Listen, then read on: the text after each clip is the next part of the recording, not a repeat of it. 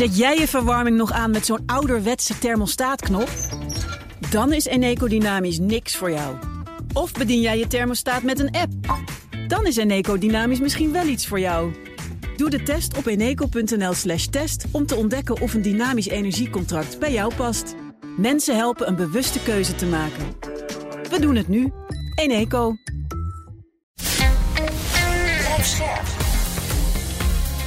BNR Nieuwsradio. Boekenstein en de Wijk.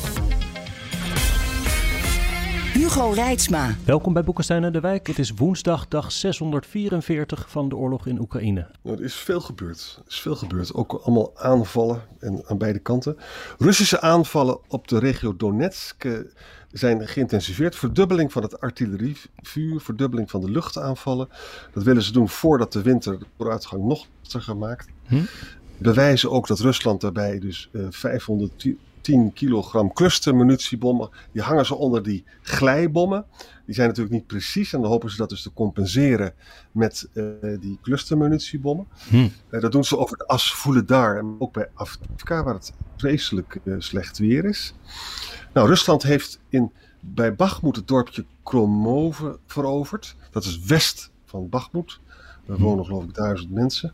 En dan hebben ook nog zijn vijf hoge rang Russische officials, dat zijn eigenlijk ambtenaren, zijn gedood door een Oekraïnse aanval in het dorpje uh, Juvilijn. Dat is dus in het bezette gedeelte van Gerson, is een gebouw aangevallen. Hm. En dat is allemaal gebeurd door, op basis van informatie van loka lokale mensen. Die, er wordt samengewerkt tussen lokaal en de Oekraïnse krijgsmacht, zeg maar. Ja, zeg maar nog even, nou ja, kijk, wat je dus ziet, en dat zien we al een hele tijd, is dat eigenlijk het hele oostelijke deel hè, uh, van het front, uh, dat is eigenlijk van Donetsk en dan verder naar het uh, noordoosten.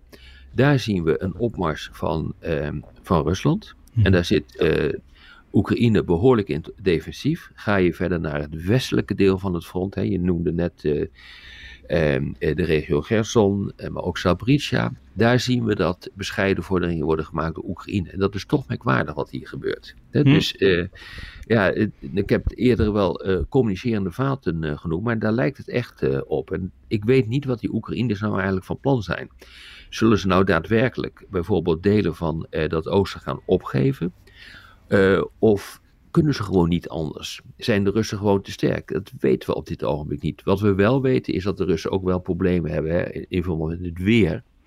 Een grote tornado is over dat gebied geraast, waardoor de, de gevechten eigenlijk overal in het zuiden zijn uh, vertraagd. Het weer werkt absoluut niet mee, maar ja, ze maken toch wel vorderingen. Ja. Interessante die vraag die Rob opwerpt, van uh, waar zijn ze nou eigenlijk mee bezig? Je, je ziet dus als je luistert naar, naar Scholz of naar Beerbok, dan zeggen ze gewoon heel keurig, het is aan Oekraïne zelf om te bepalen wanneer ze willen gaan onderhandelen. Hè? Ik heb eindelijk één iemand gehoord, één expert, in de podcast van Farid Zakaria, GPS, Richard Haas, die wij natuurlijk goed kennen, hè? de voorzitter van de Council of Foreign Relations, die het gewoon keihard zegt van het gaat niet goed. Hm. En Oekraïne zou moeten besluiten over welk eh, zou moeten besluiten hoe ze het gebied dat ze nog hebben nog beter gaan verdedigen. Dus een bepaalde dingen ook gaan opgeven. Ja, ja. Dat heb ik nog nooit eerder gehoord. Er was ook een paar dagen geleden had Bildzeitung iets over dat de Amerikanen en de Duitsers samen zouden hebben besloten dat het ongeveer welletjes zou zijn geweest en dat de Oekraïners maar eens moesten gaan denken over onderhandelen en daar misschien toe bewogen konden worden door verminderde wapenleveranties. Maar allemaal onbevestigd, ik weet het niet. Maar ja. dus dat soort geluiden zijn er wel eens. Ja. en tegelijkertijd zien we dat in, uh, bij de Russische mailbloggers, altijd een interessante bron. Uh, maar ook bij, uh, bij Lavrov, daar begint dus nu een discussie te ontstaan. of het misschien noodzakelijk is om na te denken over een bestand. En dat is wel echt opmerkelijk, moet ik, moet ik zeggen. En dat gaat dan veel meer in de richting van: ja, nee, we moeten absoluut niet nadenken over een bestand. Want dat zal alleen maar Oekraïne dan wel het Westen bevoordelen, want dat wordt gebruikt. Nou ja, die discussie hebben we ook in het kader van Hamas uh, gevoerd. Um, als er een bestand is, dan uh, wordt Oekraïne uh, van, van, meer wapens voorzien, kan het zich gaan herpositioneren en dan is dat nadelen voor ons. Hm. Maar het feit dat je dus zo'n discussie voert op dit ogenblik, betekent dat ook voor die mailbloggers uh, het vrij onduidelijk is wat Rusland nou eigenlijk uiteindelijk wil bereiken met deze hele operatie. Dus uh, het grappige is, je ziet dus die discussie nu ontstaan aan beide kanten. En dat is ook logisch, omdat er, omdat er gewoon een padstelling is. Ja, had Poetin hier niet ook iets over gezegd in die speech van uh, gisteren, meen ik? Nee, dat niet echt. Uh, kijk, uh, er is gisteren een speech ge gehouden door Poetin voor de Wereldraad van Russische Volken. Die is in 1993 is hij opgericht. Uh, en daar heeft hij eigenlijk weer bevestigd wat hij met Oekraïne wil, maar ook met Belarus. Hij zegt van kijk, de Russische natie bestaat uit de Russische Federatie, Belarus en Oekraïne. Dat is, uh, de, uh, dat is het hart van de Russische identiteit. Dan heb je daarnaast nog een keer de Russische wereld. Dat zijn de Oost-Slavische volkeren. En dat is eigenlijk alles wat er vroeger ooit heeft gewoond binnen Rusland, de Sovjet-Unie, dan wel het uh, Russische keizerrijk. En hij begint te roepen dat die unie van, van volken zich eigenlijk verwant voelt met Rusland en dus daarmee ook feitelijk bij Rusland uh, behoort. Nou ja, ik bedoel, wat je er ook van kan vinden, maar eigenlijk heeft uh, juist Poetin gezegd, niks geen onderhandelingen, we gaan gewoon door, want dit is gewoon wat we hebben, want dit is onderdeel van Rusland, punt uit. Hm, hm.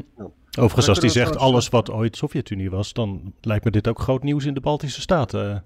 Ja, dat is natuurlijk ook uh, zo. Uh, alleen dat zijn geen Slavische volken die daar wonen. Dus je zou daar nog weer een uitzondering voor kunnen Hmm. maken. Maar Lavrov, die heeft wel moeten zeggen dat uh, de, de Russen niet van plan zijn om nog meer gebied in Europa te bezetten.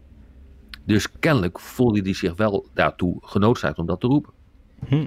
Wat we hier leuk aan kunnen verbinden is. In die Poetin-speech wordt dus gewoon gezegd dat Wit-Rusland en Oekraïne een onderdeel is van Rusland. Hè? Mhm. Er wordt helemaal niet gezegd dat Oekraïne eigenlijk veel ouder is dan de Rusland. Hè? Rusland is 14e, 15e eeuw. Het Oekraïnse Rijk is veel ouder, is 8e, 9e eeuw. al. Ja, ja, ja. De beroemde Kiev-Russische Rijk, dat heet dan toevallig Rus, maar het heeft niks met Rusland te maken, maar dat waren vikingen. Nou, vandaag is er dus in Londen, zijn allemaal internationale historici bij elkaar, het Ukrainian History Global Initiative. En daarbij gaan ze dat dus benadrukken, dat er in, in het gebied waar Oekraïne nu ligt, dat er toen al contacten waren met de oude Grieken, maar ook met, later met Byzantium. Hè? Uh, dus dat, is, dat vind ik wel uh, belangrijk, dat er dus nu ook vanuit de wetenschap uh, Poetin op de vingers wordt getikt dat het helemaal niet zo is dat de Oekraïne Russisch is. Historisch is het logischer als het andersom is, dat Rusland Oekraïns Ja. is, als ik het zo Ja. eh, begrijp. Ja, ja. Moeten we het ook nog even hebben over eh, de minister van Buitenlandse Zaken die, eh, van de NAVO die in Brussel bij elkaar komen? Zeker, ja. Ja, dat gebeurt dus eh, eh, vandaag. Eh, wij hebben nog niet kunnen zien wat er helemaal uit kwam, maar er kwam voorzichtig iets positiefs over de toetreding van Zweden. Waarbij de minister van Buitenlandse Zaken van Turkije kennelijk heeft gezegd: Nou, dat gaat, die ratificatie dat gaat nu toch wel binnen nu en een paar weken Ja. eh, beginnen. Dus dat is op zich is dat mooi. Eh, eh, Blinken die heeft gezegd van ja, we blijven toch aan de kant van Oekraïne staan en we zullen die, ehm, eh, die steun voortzetten. En Arjan, je had ook nog even gezien dat, dat, dat er wat bedragen zo over de toonbank gingen. ja. En dat is toch wel heel belangrijk om even te benadrukken. Blinken zegt van ja, al die republikeinen die zeggen dat wij veel meer doen dan de Europeanen is helemaal niet waar. Uh, Amerika heeft 77 miljard hulp gegeven aan Oekraïne en de EU, of de Europese landen, maar liefst 110. En ik herinner me dat we dat ook in, in mei, juni al vaststelden, dat door die grote Duitse bijdrage Ja. het al ge- gelijk was. En nu is het kennelijk dus zo dat de Amerikanen. Ja, maar, het het is nog wel nog steeds zo dat de, de Amerikanen veel meer wapens leveren, toch? Nou, dat is inmiddels ook al niet meer zo. Maar eh, oh. dat, bleef, dat loopt gelijk op. Maar eh, de humanitaire hulp, de economische hulp van eh, Europa is veel groter. Ja, ja. Hè, dus Ja. daar komt het feitelijk op neer. En ook eh, begrotingssteun is ook allemaal veel groter wat er uit Europa komt dan wapens. En zonder die Amerikaanse wapens, die ook vaak moderner zijn, die eh, en, eh, een veel betere capaciteiten hebben, ja, daar kan Europa op dit ogenblik niet tegen eh, op. En veel van die Europese wapens, die moeten feitelijk nog worden omgebouwd. Hè, dus er worden tanks gekocht, eh, het zijn oude tanks, en die moeten worden opgepimpt. Dat kost een hele hoop geld en die zijn er nog niet eens. Nou, verder moeten we even zeggen dat eh, de, de hoofd van de militaire geheime dienst is Kirilo Budanov, Oekraïne dus, hè, Oekraïnse militaire geheime dienst. En zijn vrouw Marianne is dus vergiftigd. Oh ja, ja, ik las het. Die ligt in het ziekenhuis en je weet dat de Russen daar heel erg goed in zijn. in die vergiftiging. Ja, en het interessante is dat ehm, feitelijk op hetzelfde moment eh, kwam er ook ongeveer op hetzelfde moment van de Oekraïnse Veiligheidsraad, Danilov, de voorzitter daarvan, eh, of de vicevoorzitter, wat is het? Eh, die zei van ja, de afgelopen maanden zijn eigenlijk eh, geactiveerd door, ehm, eh, door Rusland in Oekraïne. En ja, ik, ja, misschien is 1 plus 1 2, maar dat hoeft niet zo te zijn. Maar is, er is gezegd van, ja, deze cellen, het is, gewoon eigenlijk gewoon spetsnas. Hè, dus je hebt van die, die, die cellen die blijven een hele tijd eh, onder de grond, totdat ze boven de grond te komen. En dan de bedoeling is om de Oekraïnse maatschappij te ontwrichten. Nou, het zou best kunnen zijn dat dat hiermee te maken heeft. Het zou Hm. mij niet verbazen, eh, want dit is ook wel feitelijk wat de werkwijze is van Rusland. Ja. Eh, de EU verviervoudigt het trainen van eh Oekraïnse soldaten nu. Extra 200 miljoen gaan ze eraan besteden. Netjes. Hey, zullen we eens even door naar eh, Israël-Hamas? Dag 54 daar. En Ja. vandaag zou een zesde groep gijzelaars vrijgelaten moeten worden door Hamas. Dat is op het moment dat we spreken nog niet gebeurd.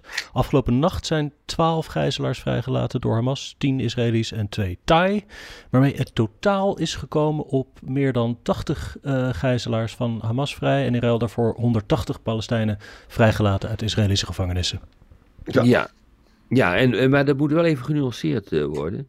Want er eh, zijn in Israël zijn er inmiddels alweer meer dan 130 gear- gearresteerd. Dus het, het, het netto resultaat is misschien voor eh, de, eh, de Palestijnen of voor de Gaza een, een stuk of 50. Ja, Ja, dat is wel even, even ehm, belangrijke nuance. Ja. belangrijk, belangrijk om dat zo op die manier te nuanceren. Wat mij overigens wel is opgevallen, is dat eh, de steun van Hamas absoluut niet is afgenomen. Ja. En als je nu naar de verhalen luistert eh, die eh, in de Gaza-stroken de ronde doen, dan moet je constateren dat die, ehm, eh, die, die bewoners van de Gazastrook, eh, die roepen dan van, ja nee, maar moet eens even kijken, het feit dat onze landgenoten nu weer terugkomen, of onze, eh, onze, onze geliefden, of hoe je het ook allemaal zou willen noemen, nu allemaal weer terugkomen, dat heeft alles te maken met het feit dat op 7 oktober die grote aanval is eh, geweest, want anders waren ze nooit teruggekomen. Het Ja. slaat nergens op, zeker niet als je even genuanceerd naar die cijfers eh, gaat kijken. Maar dit is dus wel het verhaal wat wordt eh, verteld. En men vergeet dus kennelijk ook eventjes dat er inmiddels hoeveel doden zijn er gevallen. Ik heb al een 12.000 tijd geen. Nou, volgens mij gaan we inmiddels richting de 15.000. Nou ja, oké. Nou ja, dat is natuurlijk immens is dat wat daar gevallen is. Maar ja, op een of andere rare manier hoor je daar minder over dan over het feit dat die, ehm, die Palestijnen terug zijn gekomen uit de Israëlische gevangenissen. Dat wordt als een grote overwinning gevierd. Het is toch echt heel nog voor wat hier gebeurt. Ja, op de, op, het gaat op de Westbank. En dan zijn dus die Palestijnse families heel blij dat er dus Palestijnse zonen worden vrijgelaten. Ook, en, dan, ja. en, dat- en dat wijten ze dus aan, aan, de, aan de inzet van Hamas. Ja. En eh, overigens even over die Westbank, dat is wel heel erg hoor. Die jongens die nu worden vrijgelaten, die zijn, wordt- hebben, zonder proces zitten die al jaren vast. Hè? Ja, klopt. En dan gaat het over stenen gooien of, of erger dan dat. Hè? Maar het gaat dus gewoon zonder proces. En, en de laatste tijd gaat het dus heel erg wat, wat Rob eh, terecht zei. Dus met andere woorden, als mensen spreken over een, een, een dubbele, eh, ja, zeg maar een soort dubbele moraal. De, de rechtsstaat geldt dus niet voor de Westbank. Hè? Want dan kan je dus gewoon zonder proces in de gevangenis eh, raken. Ja, exact. Ondertussen wordt er dus wel gesproken over een verdere verlenging nog van het bestand. Hè? Ja. Eh, Burns, de CIA-directeur, en eh, de Mossad-directeur Barnea, die zijn in Doha bijeen. En die zijn op dit ogenblik aan het praten over een eh, verlenging. Maar ja, goed, dan eh, doet zich natuurlijk de vraag voor van wat nou als alle Israëlische gegijzelden zijn vrijgelaten, wat, wat Mhm. gaat er dan gebeuren? We, we begrijp, ik begrijp ook dat Netanyahu niet bereid is om, eh, die, eh, om het langer dan tien dagen te verlengen. Ehm, en eh, dat heeft veel meer te maken met het feit dat in de Khan Yunis, dat is een, eh, een stad in het zuiden van de Gazastrook, daar zit, eh, de, zit een Hamas-leider, eh Jinwar, en die zou eigenlijk gebombardeerd moeten worden. Hè, dus zij willen als sodomieten willen ze die stad gaan eh, bombarderen. Dus de Amerikanen zijn ook opgehouden eh, om te praten over ehm, veilige gebieden binnen de Gazastrook. Want dat, dat is er niet meer. Ja, en men denkt dus inderdaad dat die Hamas-leiders zijn dus gevlucht naar het zuiden. Hè? Ja. En, en daarom wil Netanyahu heel snel uh, daarmee doorgaan. Het is maar zeer de vraag of die verlenging er komt, want hij wil gewoon doorgaan. Nou, dan is nog Thomas Friedman, die schrijft altijd ontzettend mooie columns, vind ik. En die legt een beetje uit... In de New York Times, hè? Ja, waar, waar Biden nou eigenlijk mee bezig is. Met een beetje zo'n helikopterview, weet je wel. Uh -huh. Hij legt dan uit, er zijn drie oorlogen tegelijkertijd aan de gang. Eentje tussen de Israëlische Joden en de Palestijnen. Eentje tussen de Israëlische en de Palestijnse maatschappij over de toekomst. Hè, over, over de staat die je dan wil hebben. En eentje tussen de Iran en de proxies met Amerika en de bondgenoten. Nou, dat maakt het allemaal heel ingewikkeld. En wat Biden wil, is, eigenlijk kan dat bijna niet, maar dat is wat hij wil. Hij wil dus dat Hamas, Hamas wordt uitgeschakeld en tegelijkertijd zoveel mogelijk Gazaanse burgers uh, beschermen. Voorkomen dat er dus veel mensen uh, daarbij omkomen. Hij wil uh, Netanyahu eruit, want hij kan niet werken met een man die op de Westbank al die hitsers ook nog uh, helpt. Hij wil de alle gijzelaars terug. Hij wil Iran afschrikken. En, en hij wil op de Westbank de Palestijnse autoriteit sterker maken. Met steun van de gematigde Arabische landen. En dat moet allemaal tegelijkertijd komen, terwijl dat dus ongelooflijk lastig is. Het is echt, het is, als je het zo bekijkt, is het zo complex. Hè? Mm -hmm. En het kan op allerlei manieren kan het nog misgaan.